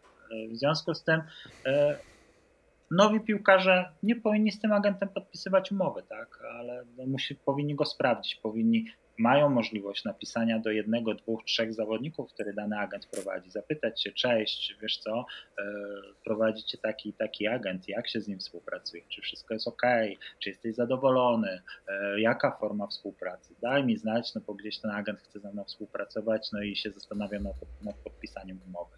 E, Facebook, Instagram, można zapytać kogoś, kto z danym agentem pracuje i uzyskać opinię. To jest, wiesz co, też niesamowite, bo jakby, wiesz, to, to jest oczywiste, o czym, o, czym, o czym ty mówisz, prawda? Ale ja uważam, że my e, zaznaczamy wiele takich czerwonych lampek, które jak e, być może od teraz, e, po przesłuchaniu naszej rozmowy, ktoś usłyszy albo przeczyta, albo się dowie, prawda? To one się no zapalą, po prostu. My mam tak, nadzieję, mam nadzieję, że Mam nadzieję, że zaszczepiamy te nowe czerwone lampki, które się będą po prostu paliły, kiedy usłyszysz jakiś, wiesz, tekst jednego czy drugiego Wiesz, gamonia, chodzi prawda? O to, że, chodzi o normalność, chodzi o zasady, chodzi o to, żeby wszystko było przejrzyste i czytelne.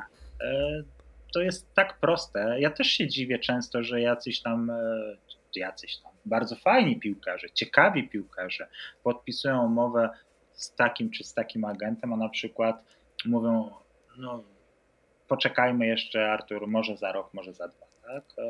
Dziwię się, no ale co zrobić, tak? No, każdy ma swój rozum, każdy gdzieś tam ma swoje myślenie i podejmuje decyzje i później za nie odpowiada.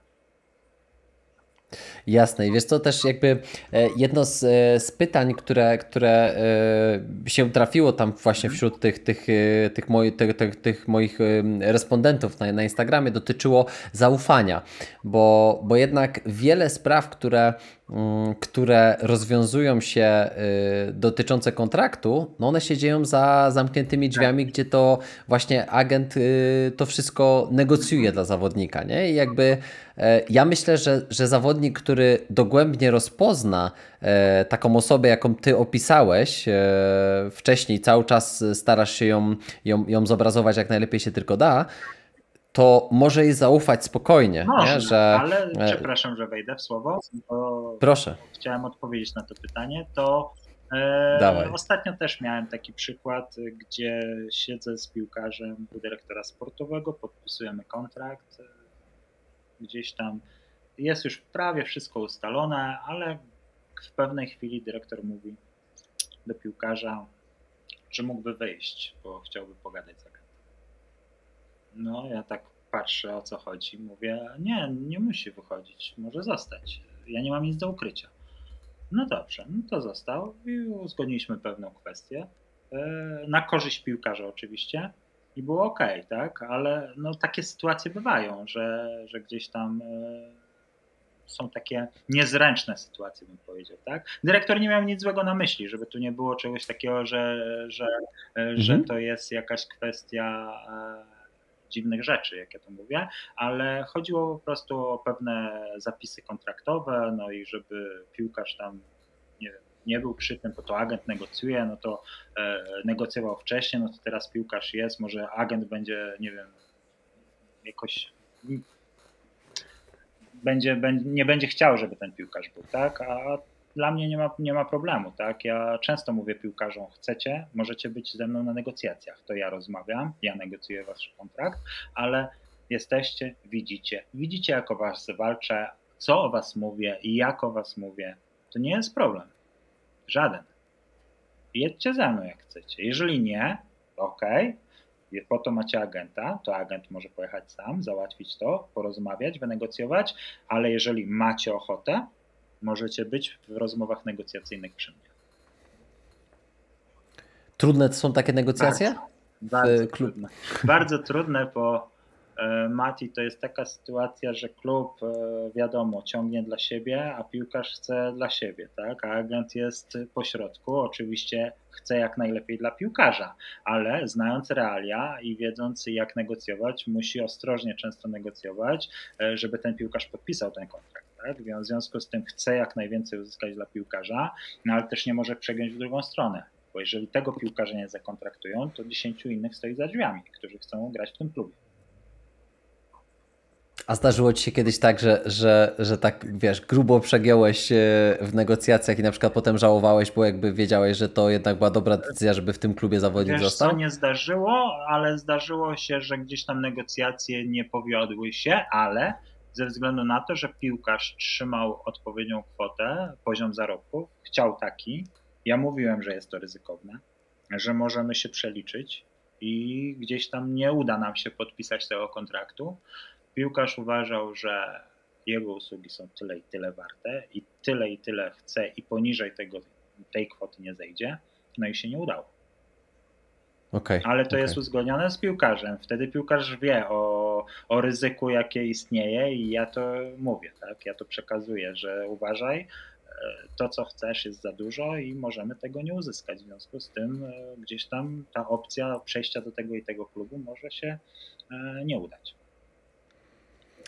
Ja to mam w ogóle takie wrażenie, szczególnie wśród młodych zawodników, to jest przynajmniej moja, moja ocena taka, taka, taka sytuacji jest taka, że agent, który, który współtworzy ten team z zawodnikiem, przeprowadza taką rozmowę przed negocjacja, negocjacjami, ale w mojej ocenie zawodnik dla swojego własnego zdrowia powinien być poza tymi negocjacjami tak fizycznie.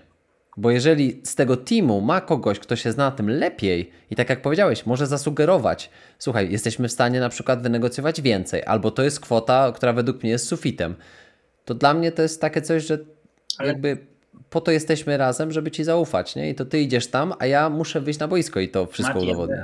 Ja mam, tak, to jest ale, tylko moja ale strona. tak jest, ale przy zawodnikach młodych. Młody zawodnik E, oczekuje tego, żeby grać, żeby się rozwijać i żeby gdzieś dostawać szansę rozwoju sportowego. I w tym przypadku młody zawodnik nie narzuca tego, ile chce zarabiać. Oczywiście agent wie, że chciałby wynegocjować dla niego jak najlepsze kontrakty, ze względu na to, żeby mógł się utrzymać, żeby mógł myśleć tylko o piłce, żeby mógł się skupić na treningach. W związku z tym agentowi też zależy na tym, żeby piłkarz zarabiał jak najwięcej, a nie jak najmniej, tak? Ale młodzi zawodnicy tak. nie sugerują agentowi, ile chcą zarabiać, y, bo oni wiedzą, y, jeżeli mają dobrego agenta, że ten agent zrobi wszystko dla nich, e, żeby mieli odpowiednie warunki do rozwoju, tak? Ale są sytuacje z zawodnikami bardzo doświadczonymi, którzy mają odpowiednie wymagania na odpowiednim poziomie, wymagania finansowe, e, no i tutaj uzgadniamy przed negocjacjami, ile dany zawodnik chce uzyskać, jaki chce mieć kontrakt, jak długi, jakie premie, jakie bonusy. No i e, później agent idzie do klubu i przedstawia e, sytuację, jaka jest. Czasami właśnie jest taka, jak wspomniałem. Tak. Tak, tak, tak. To jest ciekawe też, bo od razu tak wiesz, spojrzymy jeszcze na jedno pytanie, takie czy właśnie wiesz, czy zawodnik bez agenta da sobie radę i tak mam wrażenie, że odpowiedzieliśmy już na to pytanie, ale, ale tak jakby humorystycznie chciałem wrzucić, że, że jak się nazywasz Kevin De Bruyne, no to możesz na przykład tak, nie mieć menadżera tak, no, i wiesz, tak i sobie tak dasz sobie radę. Nie? Dobry zawodnik tak naprawdę nie musi mieć agenta, ważne, żeby miał mądrego doradcę zwał jak zwał. Dokładnie. Osobę, która mu pomoże w pewnych sytuacjach, e, podpowie, e, mhm. ale to nie musi być stricte taki typowy agent, który mu załatwia klub, bo on nie musi agent mu załatwiać klubu, jeżeli nazywasz się Kevin De Bruyne właśnie, tak? Czy Mbappé, czy inny, inny zawodnik stopu. E, ale fajnie mieć za plecami kogoś, kto spojrzy troszeczkę inaczej, kto pokaże plusy, minusy e, danego transferu, zagrożenia, e, które mogą być i, i dobrze mieć taką osobę. W związku z tym każdy, każdy zawodnik ma swoje otoczenie i to może być agent, to może być rodzina, to może być tata, który prowadzi karierę zawodnika są też takie przykłady. E, tak. I, i, i wtedy dobrze mieć osobę, która, która gdzieś tam wspiera i, i podpowie. I też to, to, co powiedziałeś wcześniej, według mnie jest też super ważne, że, że to jest i doradca finansowy, i to jest, wiesz, e, człowiek, który zna się na prawie e, i jak trzeba, to wiesz, to i ubezpieczenie, i, I wiesz, i leasing. leasing. Wynajem mieszkania gdzieś, kredyt mieszkaniowy, czy, czy nawet wynajem mieszkania w obcym kraju, gdzie, gdzie jest przeprowadzany transfer, czy wynajęcie tłumacza, który gdzieś tam będzie przez dwa tygodnie z piłkarzem mu pomagał w takich prostych sprawach. E, e, no, wiele rzeczy jest e, i możliwości, żeby piłkarzowi pomóc najlepiej jak potrafimy, no, ale mhm. musi być ten piłkarz, który chce z nami współpracować. Otóż to. Jedno, jak już mówimy o tych składowych takich właśnie roli menadżera, jest takie jedno zabawne pytanie. Znaczy dla mnie to jest zabawne, bo ja w ogóle nigdy nie, jakby też nie, mm, nie, nie patrzyłem na to w taki sposób. Ja nigdy o tym nie słyszałem. Może to jakby ty będziesz wiedział o co mi chodzi tutaj, bo dostałem takie pytanie, e, jak to jest z tymi kontraktami na zachętę? E, Nike, Adidas, e, czy agent kupuje, czy serio e, czy serio e, wysyłają? Jakby ja tego pytania znaczy, trochę ja nie rozumiem, bo ja nigdy nie byłem ja świadomy. E, agent, no? tak, jeżeli jesteś chłopakiem, który gra w trzeciej lidze, wyróżniającym się, no to ci Nike, Puma i Adidas nie wyśle żadnego obuwia. To agent kupuje żeby Puma, Nike, Adidas wysłali obuwie dla ciebie, to powinieneś być reprezentantem Polski, być jakąś znaczącą e, postacią w swoim zespole, e, być tym topowym zawodnikiem w swoim klubie. To wtedy te kontrakty e, sprzętowe możesz, możesz uzyskać. W innym przypadku jest to dobra wola agenta, że ci kupi. No i kiedyś też próbowałem się licytować z agentami na to, kto kupi jakie buty, ale uznałem, że nie jest to fajne. Nie jest to fajne, ponieważ okay. kupujesz lojalność, a nie przyjaciela, a nie piłkarza. E, ja zaproponuję jedną parę butów, za rok przyjdzie agent, który zaproponuje pięć par butów i ten chłopak odejdzie ode mnie tylko dlatego, że dostał cztery pary butów więcej. W związku z tym zawodnik powinien wybierać agenta nie dla butów, tylko dlatego, jakim jest agent człowiekiem co ma do powiedzenia, jak go będzie prowadzić, jak się z temu zawodnikowi, z tym agentem rozmawia, e, czy jest chemia między zawodnikiem a agentem, czy lubimy się, e, czy jeżeli mam problem, to mogę wziąć telefon i zadzwonić do agenta i się zapytać o, o jakąś tam pomoc e, w tym problemie. To jest ważne, a nie to, że ktoś kupi jedną, dwie czy trzy pary i, I wiesz, ja tak zrozumiałem to pytanie, że, że jakby y, ja to tak rozumiem, że są agenci i menadżerowie, którzy jakby mówią albo, albo, tak, mówią, albo sugerują. Piszesz kontrakt, a później tych butów nie ma, albo okej, okay, przyjdzie jedna para, po ci agent kupi, tak? I jakby wygrywa tą licytację. A oni, a, a mówią, że załatwiłem ci współpracę z Adidasem a, albo z Nike. No, a może ja to tak rozumiem. Tak jest, wiesz, to ja nie wiem, no może i tak jest. Może no, my się nie znamy. No, nie, nie wiem, ale właśnie to tak. Jeżeli ja, ja pomyślałem... Przepraszam, jeżeli załatwił kontrakt, e, to powinien zawodnikowi pokazać ten kontrakt. No to no, też jest ciekawe. Co no, kopia kontraktu? kontraktu? No przecież jeżeli gramy fair, jesteśmy wobec siebie uczciwi, e, wszystko jest e, mówione sobie, no to, to dlaczego, dlaczego nie pokazać kontraktu? Zobacz, załatwiłem ci kontrakt Nike, ty jako zawodnik X na rok czasu, tak. tyle i tyle par butów w roku. No nie ma problemu, niech taki zawodnik zapyta o, o, o kopię kontraktu. No to i widzisz, i kolejna czerwona lampka, jak coś wiesz, jest. No to jest słuchaj... też taka zachęta, wiesz, właśnie agenci walczą, wiesz, dobra, przyjeżdża, rzuca kluczyki od BMW na stół i mówi cześć, co tam, wiesz, ja pracuję z tym i z tym, jestem takim i takim agentem wyśmienitym, najlepszym w Polsce, e, chodź do mnie, masz tu kontrakt z Nike'em, z Adidasem, to jest mój kolega, dyrektor taki, taki, załatwi ci wszystko. E, no i wiesz, no i chłopcy później podpisują takie umowy. Pięcioletnie kontrakty. Słuchaj, następne pytanie, tak mi się wydaje, że to od jakiegoś, wiesz co, e, jakiegoś młodego, gniewnego bramkarza, tak mi się wydaje, bo ja tak często już sobie rozpoznaję e, te, te pytania, bo jest, dlaczego menadżerowie skreślają od razu niższych bramkarzy? Około 180 cm wzrostu, z góry nie sprawdzając e, ich umiejętności. I nawet jak mają mocne strony, które w większości przypadków przewyższają umiejętności tych no wysokich. No i, to jest pytanie sugerujące tak, bardzo, Artur, bo to jest sugerujące, że menadżerowie raczej, to robią. Wiesz co, menadżerowie to robią często dlatego, że kluby tak robią. Jest teraz e, gdzieś nastawienie na bramkarzy wysokich, tak? E, gdzieś ale to jest standard, standard w Polsce. Ale nie tylko w Polsce, już na zachodzie też już te czasy raczej jest jeszcze Keylor Navas, Iker Casillas, tak, był, e, byli zawodnicy i są nadal, którzy są niższego wzrostu, ale świetni, są świetnymi bramkarzami, wygrywającymi e, trofea Ligi Mistrzów e, Puchary Europy. Ale jednak gdzieś kluby dają profil piłkarza, jakiego chcą.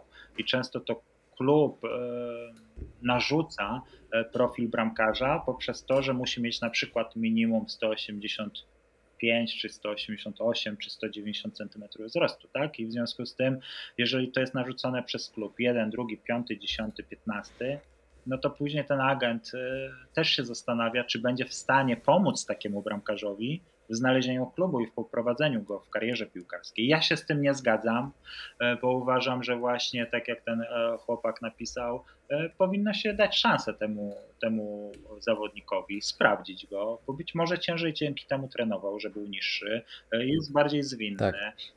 jest, ma silniejsze nogi, ma wyższy wyskok, większy wyskok jest, ma lepszy refleks. Może się okazać, że ten bramkarz jest naprawdę bardzo ciekawym zawodnikiem i tylko jego mankamentem jest kilka centymetrów mniej wzrostu. Mhm.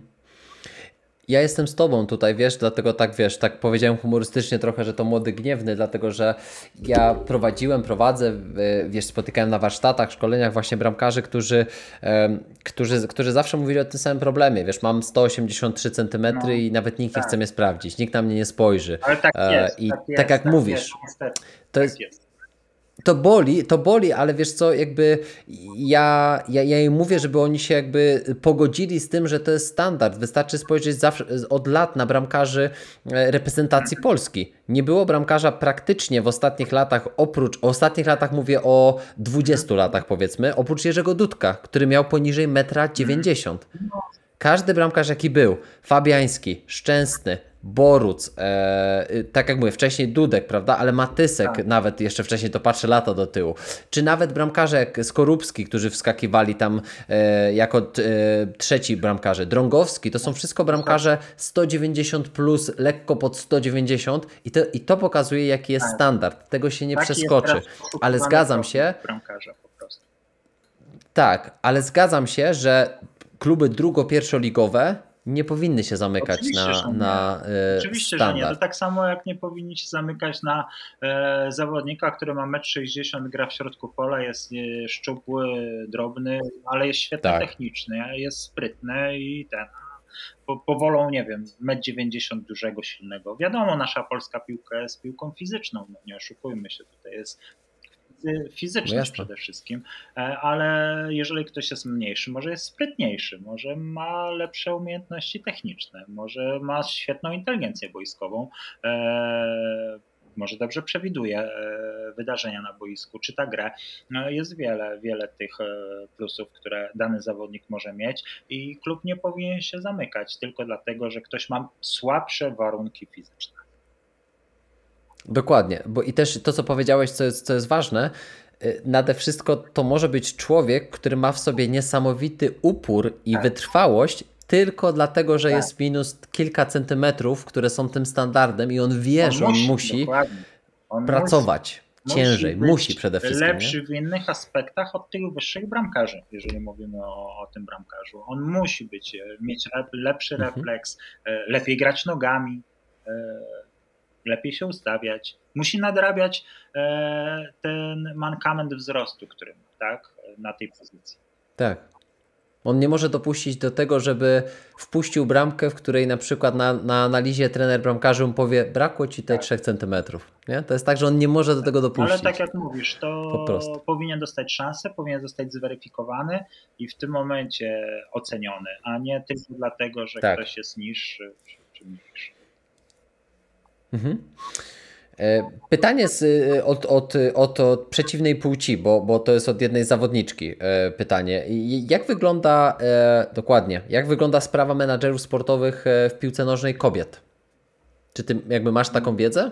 Wiesz co, gdzieś tam kilku moich kolegów współpracuje z zawodniczkami i to by było na tyle. Jakby futbol kobiecy jest mniej, zdecydowanie mniej popularny od męskiego co nie znaczy, że gorszy, broń Boże, ale, tak. ale jednak mniej popularny. A agenci pracują tam, gdzie są odpowiednie profity, tak? A profity są w piłce męskiej, tak? Więc y, chyba nie jest to jeszcze tak rozwinięty futbol menadżerów y, piłkarskich kobiet. Ale może, może rozwiniemy to. Pe pewnie, ale, ale wspomniałeś, że jakby znasz e, tak, menadżerów, tak, którzy tak, pracują. Znam menadżerów, którzy mają tam po jednej, dwie zawodniczki, gdzieś tam się nimi opiekują. Ja też myślałem, mhm. ja też myślałem też... nad tym, tak? E, bo, bo mam dobre podejście do, do, do ludzi, e, potrafię z nimi rozmawiać i tak sobie pomyślałem, no nie każdy e, agent będzie umiał rozmawiać z kobietą, z zawodniczką kobietą. To też jest nam. Tak, tak. No, no, trzeba to umieć. W związku z tym pomyślałem, może też gdzieś tam wejdę w ten świat piłki kobiecej, ale, ale na razie jeszcze do tego nie Mhm. To teraz też pytanie, jako przedłużenie tego, tego pytania o właśnie menadżerkę e, wśród, wśród piłkarek e, mhm. nożnych między innymi, e, ale pewnie też ono dotyczy chłopców i, i mężczyzn już starszych konkretnie o to, w jaki sposób samemu najlepiej kontaktować się e, z, z menadżerem, czyli w jaki sposób jakby naj, najprościej nawiązać z nim jakoś kontakt, bo zakładamy, że to nie jest pierwszy czy pierwsza, prawda, w swoim klubie, gdzie tych wyborów ma kilka, tylko załóżmy to jest, wiesz, e, e, jeszcze być może średni, jeszcze młoda, jeszcze niezauważona, czy niezauważony, ale chciałby podjąć taki krok. Uważasz, że to jest dobry znaczy, pomysł? Wiesz co, e, kto nie ryzykuje, ten nie pije szampana. To nic nie przeszkadza, żeby e, napisać do agenta, poprosić go o współpracę, zainteresować sobą. Mhm. E, przecież nic złego nie robimy, pisząc maila czy, czy wysyłając wiadomość na WhatsApp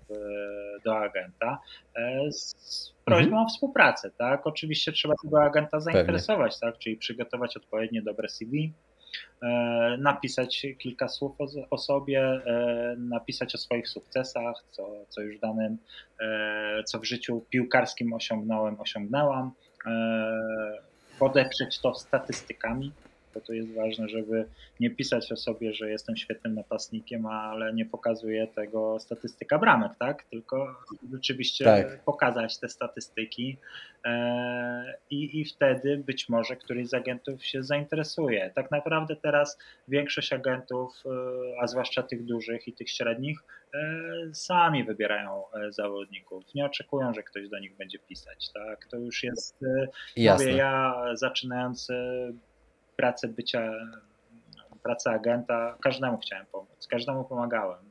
Bezinteresownie, bez umowy, e, doradzałem, bo, bo mi szkoda po prostu ludzi, tak? I wiem, że ci ludzie marzą o tym, żeby osiągnąć sukces, marzą o tym, żeby być kimś, no ale nie dasz rady każdemu. Niestety nie dasz rady i teraz w tym momencie tak samo my selekcjonujemy zawodników, wybieramy i to my się jako agencja zgłaszamy do, e, do zawodnika, a nie oczekujemy tego, że zawodnik się zgłosi do nas. Jasne, bo to, to, co mówisz, to też mi się wydaje, tak jak i w moim zawodzie, wiesz, ja też e, na początku wszystkim chciałem pomóc, wszystkim chciałem doradzać, na wszystkie wiadomości na Instagramie, Facebooku, mailowo odpowiadałem, bo przecież tak jak mówisz, szkoda człowieka, ale w pewnym momencie to e, zdajesz sobie z tego sprawę, to też mi powiedziała moja psycholożka, z którą pracuję, że to jest e, pierwszy, mały, ale bardzo duży krok do wypalenia tak. zawodowego. Jak chcesz zbawić, zbawić tak, cały świat.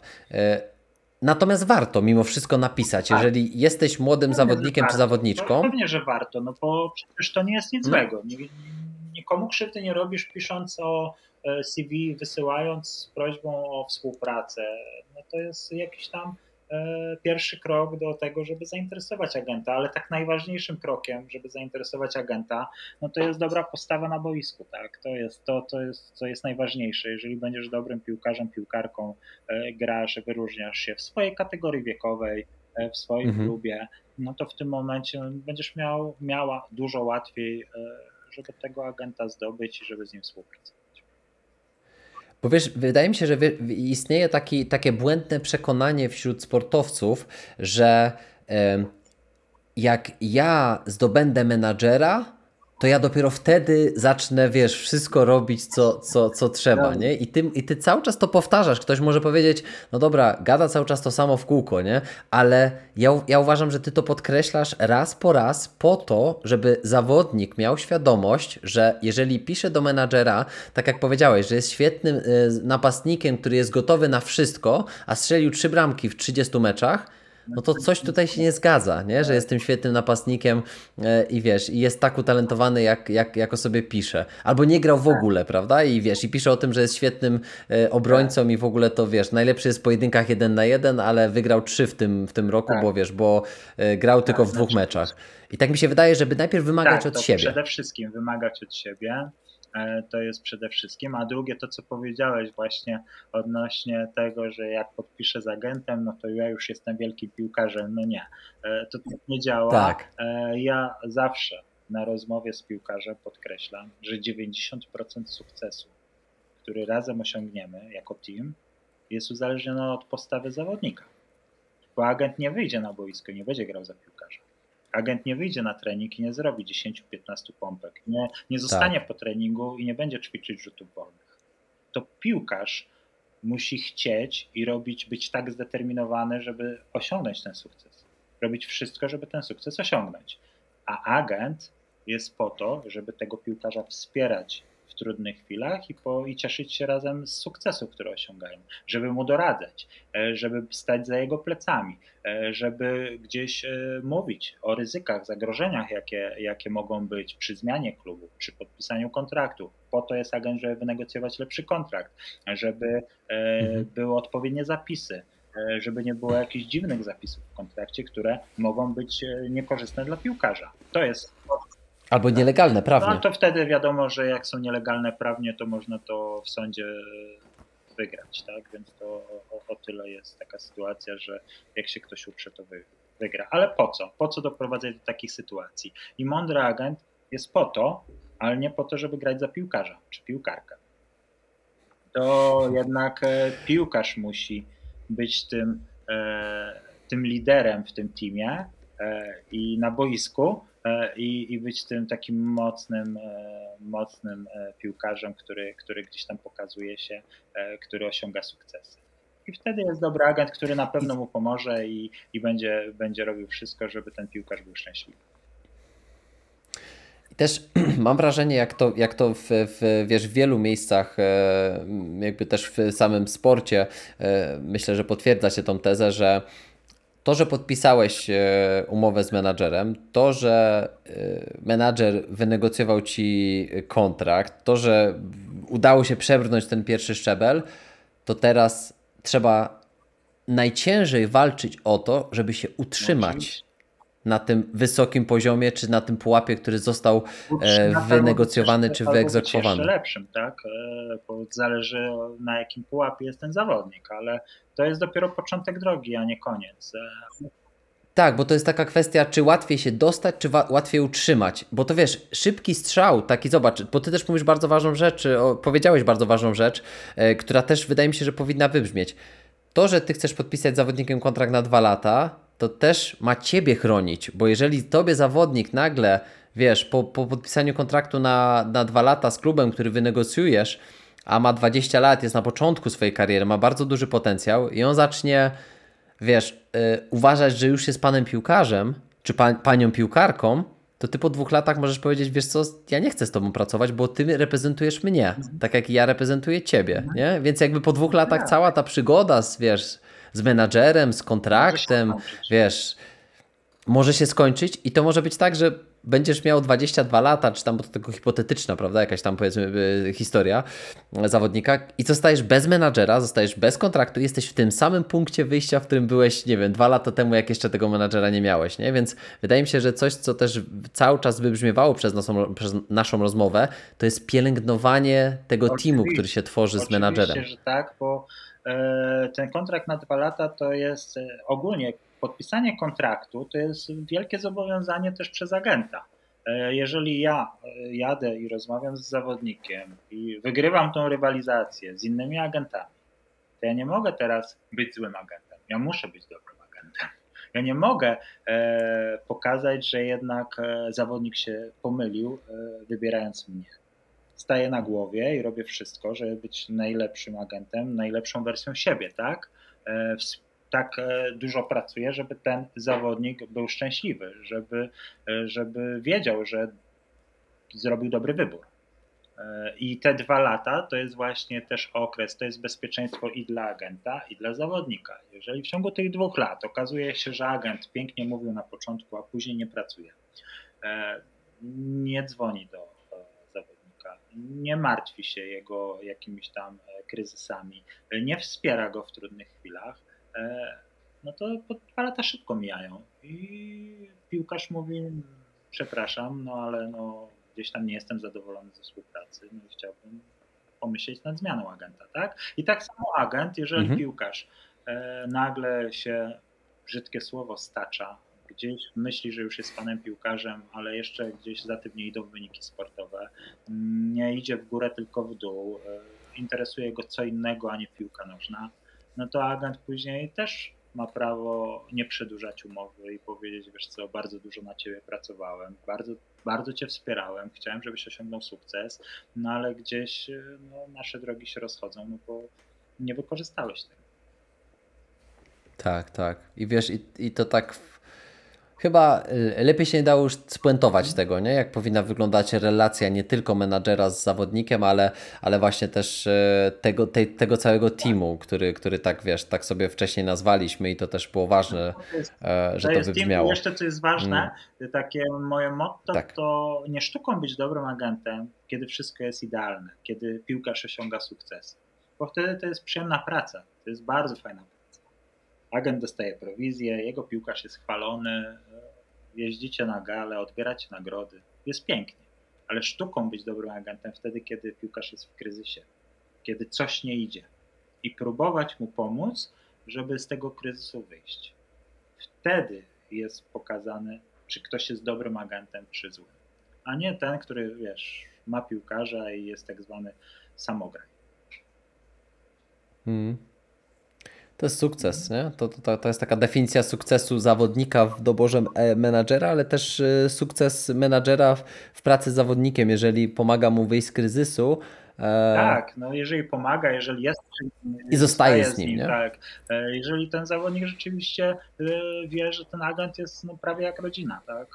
Nie muszą się kochać, ale zaufanie musi być stuprocentowe i, i też te agent z piłkarzem musi się lubić powinien się mhm, lubić, bo jeżeli prawda. się nie lubią, no to e, piłkarz nie będzie chciał do agenta zadzwonić, agent powie, znowu nie odbierze, no to takie, taka współpraca na siłę, jak ja to mówię. W związku z tym no, musi być ta chemia między agentem, musi być stuprocentowe zaufanie e, i, i, i wtedy razem e, idziemy do przodu, staramy się osiągnąć sukces. Bardzo fajnie, dziękuję Ci bardzo Już? za te słowa, A, Artur. Bo... okay bo to było, bo to było ważne, y, że wiesz, żeby to wybrzmiało, y, co, co, co, co, co powiedziałeś, bo, bo to są takie ważne, wiesz, ważne, ważne lekcje, I, I, myślę, że, że pozostawiamy e, Ciebie, osobę, która nas słucha, z takim naprawdę bagażem ważnych, e, ważnych tematów do, do przemyślenia i też pewnie do zrobienia swojej własnej pracy domowej. Najpierw wewnętrznie u siebie, a potem ewentualnie zewnętrznie, kiedy będzie Ci dane pracować z kimś albo być może wybierać kogoś do, do, do, do swojego teamu jako tego agenta sportowego, więc, więc myślę, że to wszystko takie ważne rzeczy. Ostatnie bonusowe pytanie, o którym nawet ty nie wiesz, Artur, że ono się miało pojawić, bo to zawsze to jest takie, e, takie, takie spontaniczne, taki wiesz, taki live motiv mojego podcastu, e, który, który już jest pytaniem e, prywatnym, ale myślę, że to też wybrzmiało dzisiaj pewnie, wiesz, pewnie powtórzysz się, ale chciałbym, żebyś wyobraził sobie taki scenariusz. To, to pytanie nazywa się Trzy Prawdy. Chciałbym, żebyś sobie wyobraził taki scenariusz, że wiele, wiele lat od dzisiaj jest ostatni dzień Twojego życia. E, I ty jako człowiek, jako agent zrealizowałeś się w pełni. I e, leżysz na łożu śmierci, wokół ciebie są twoje najbliższe ci osoby. I wszystko, co zrobiłeś, wszystko, co powiedziałeś, wszystkie relacje, które nawiązałeś, sukcesy, jakie osiągnąłeś, zostaje to wszystko wymazane. I dostajesz kartkę i długopis, i na tej kartce musisz napisać trzy prawdy życiowe, według których Artur żył. Co by to było na, na, na dzień dzisiejszy? No dobra, dobra. E, prawdy życiowe. Ja zawsze mówię o tych zasadach, o honorze i uczciwości. Tak? To są jakby, jeżeli chodzi o sferę biznesu, Zasada, honor, uczciwość. Nigdy tych e, zasad nie złamie. No a co jeszcze? No wiadomo, że miłość, rodzina, przyjaciele i praca, która jest pasją, to są największe wartości w życiu. Nie wiem, czy, czy, czy Cię satysfakcjonuje ta odpowiedź. Bardzo mnie to satysfakcjonuje, szczególnie, że wiesz, wystrzeliłeś jak z karabinu, bo widać, że po prostu dobrze znasz siebie i wiesz, i, i to jak żyjesz. Tak jak, jakbyś nawet zamknął na, jakbyś nawet, słuchaj, zamknął to na y, prawda numer jeden zasady, prawda numer dwa honor, prawda numer trzy uczciwość, to, to już byłoby wow, nie? Ale jeszcze dopełniłeś to w formie jakby pra, prawda numer jeden w biznesie, prawda numer jeden życie prywatne, prawda numer trzy y, praca, nie? Czyli jakby realizacja siebie. No ty to, ale przy, obiecuję naprawdę, że Artur nie znał Nie, tego no. pytania i to nie tak, że wystrzelił z karabinu, bo był przygotowany, a tu tutaj Nie, patrzy no, sobie na spisaną są kartkę. pewne rzeczy niezmienne, tak? I to, co jest ważne, Tak. e, to żeby spojrzeć sobie w lustro i powiedzieć, że jesteś dobrą osobą, że nie zraniłeś nikogo, że nie oszukałeś. Okej, każdy popełnia błędy, może się gdzieś pomylić, Tak. może popełnić błąd, ale ważne, żeby nie robić tego celowo, e, żeby z premedytacją nikogo nie oszukiwać, e, e, bo ten świat jest coraz gorszy. I trzeba naprawdę dobrych ludzi doceniać i szanować. Mhm. No ja też po- powiem Ci, że kie- kierując się jakby, wiesz, moimi prawdami, które są związane z moimi wartościami, one też się opierają na e, relacjach, wdzięczności i odpowiedzialności. Bo wiesz, ja jestem człowiekiem relacji, e, natomiast też uważam, że, że, em, że odpowiedzialność przede wszystkim w moim, moim zawodzie jest kluczowa e, w, w, takim, w takiej pełnej rea- realizacji samego, wiesz, samego siebie, więc jakby no, na nich też buduję swoje życie, e, mogę powiedzieć. A wdzięczność to też jest coś takiego, żeby nie zapominać, e, że ten moment, w którym jesteśmy, no już się nie zdarzy. Mimo, że ta nasza rozmowa zostanie zapisana i ona będzie do odtworzenia przez lata, prawdopodobnie, wiesz, dopóki nie usuną e, Spotify'ów i internety się nie skończą, tak, i innych platform, e, to to, co my teraz robimy, to jest naprawdę, wiesz, dla mnie to jest, to jest powód do, do dużej wdzięczności. Tobie za to, że wiesz, że, że półtorej godziny sobie tutaj, wiesz, siedzimy i to nam mija, pum, od tak po prostu. A, a dwa, y, podzi- chciałbym podziękować Tobie za to, co robisz, że, że jesteś takim człowiekiem i tak y, wypełniasz swoją misję, i tak realizujesz się w swoim zawodzie i, i za to, że zostawiłeś podczas tych 90 minut y, z trzema doliczonymi e, przez pana arbitra, e, że zostawiłeś taką wartość dla, dla sportowców. Także dziękuję Ci, również Artur. Tobie, Mati, i tak e, pół żartem, pół serio, to jeszcze moglibyśmy z parę godzin rozmawiać, bo miło się z Tobą rozmawia i e, fajnie, że, że chciałeś nagrać ten podcast, e, bo może młodzi zawodnicy, zawodniczki e, wyciągną coś e, z naszej rozmowy i, i, i gdzieś tam będą e, brali przykład z tej rozmowy i zwracali uwagę na to, z kim współpracować, e, jak współpracować. Więc fajnie, fajnie. I czego od siebie Czego oczekiwać. Siebie oczekiwać, bo tak naprawdę to 90% sukcesu jest w nogach, rękach i głowie sportowca. I tym na pewno spuentujemy. Także dziękujemy Ci, że, że, że, że trwałeś do samego końca. Myślę, że to nie było Nie. trudne, wręcz bardzo wciągające. Dokładnie. E, I również Tobie, że, że, że, że słuchałeś nas tutaj e, wytrwale i mamy nadzieję, że wspólnie e, z, z tym odcinkiem damy Ci parę wskazówek i, i powodów do przemyśleń. A ja zapraszam Cię już do następnego odcinka podsumowującego 2021 rok za tydzień, czyli 29 Dziękuję grudnia. pięknie i wszystkim słuchaczom życzę wesołych świąt, y, szczęścia, spełniania marzeń i, i żeby osiągali sukcesy i robili karierę. Dzięki i do zobaczenia, Dziękuję, usłyszenia. cześć. Cześć.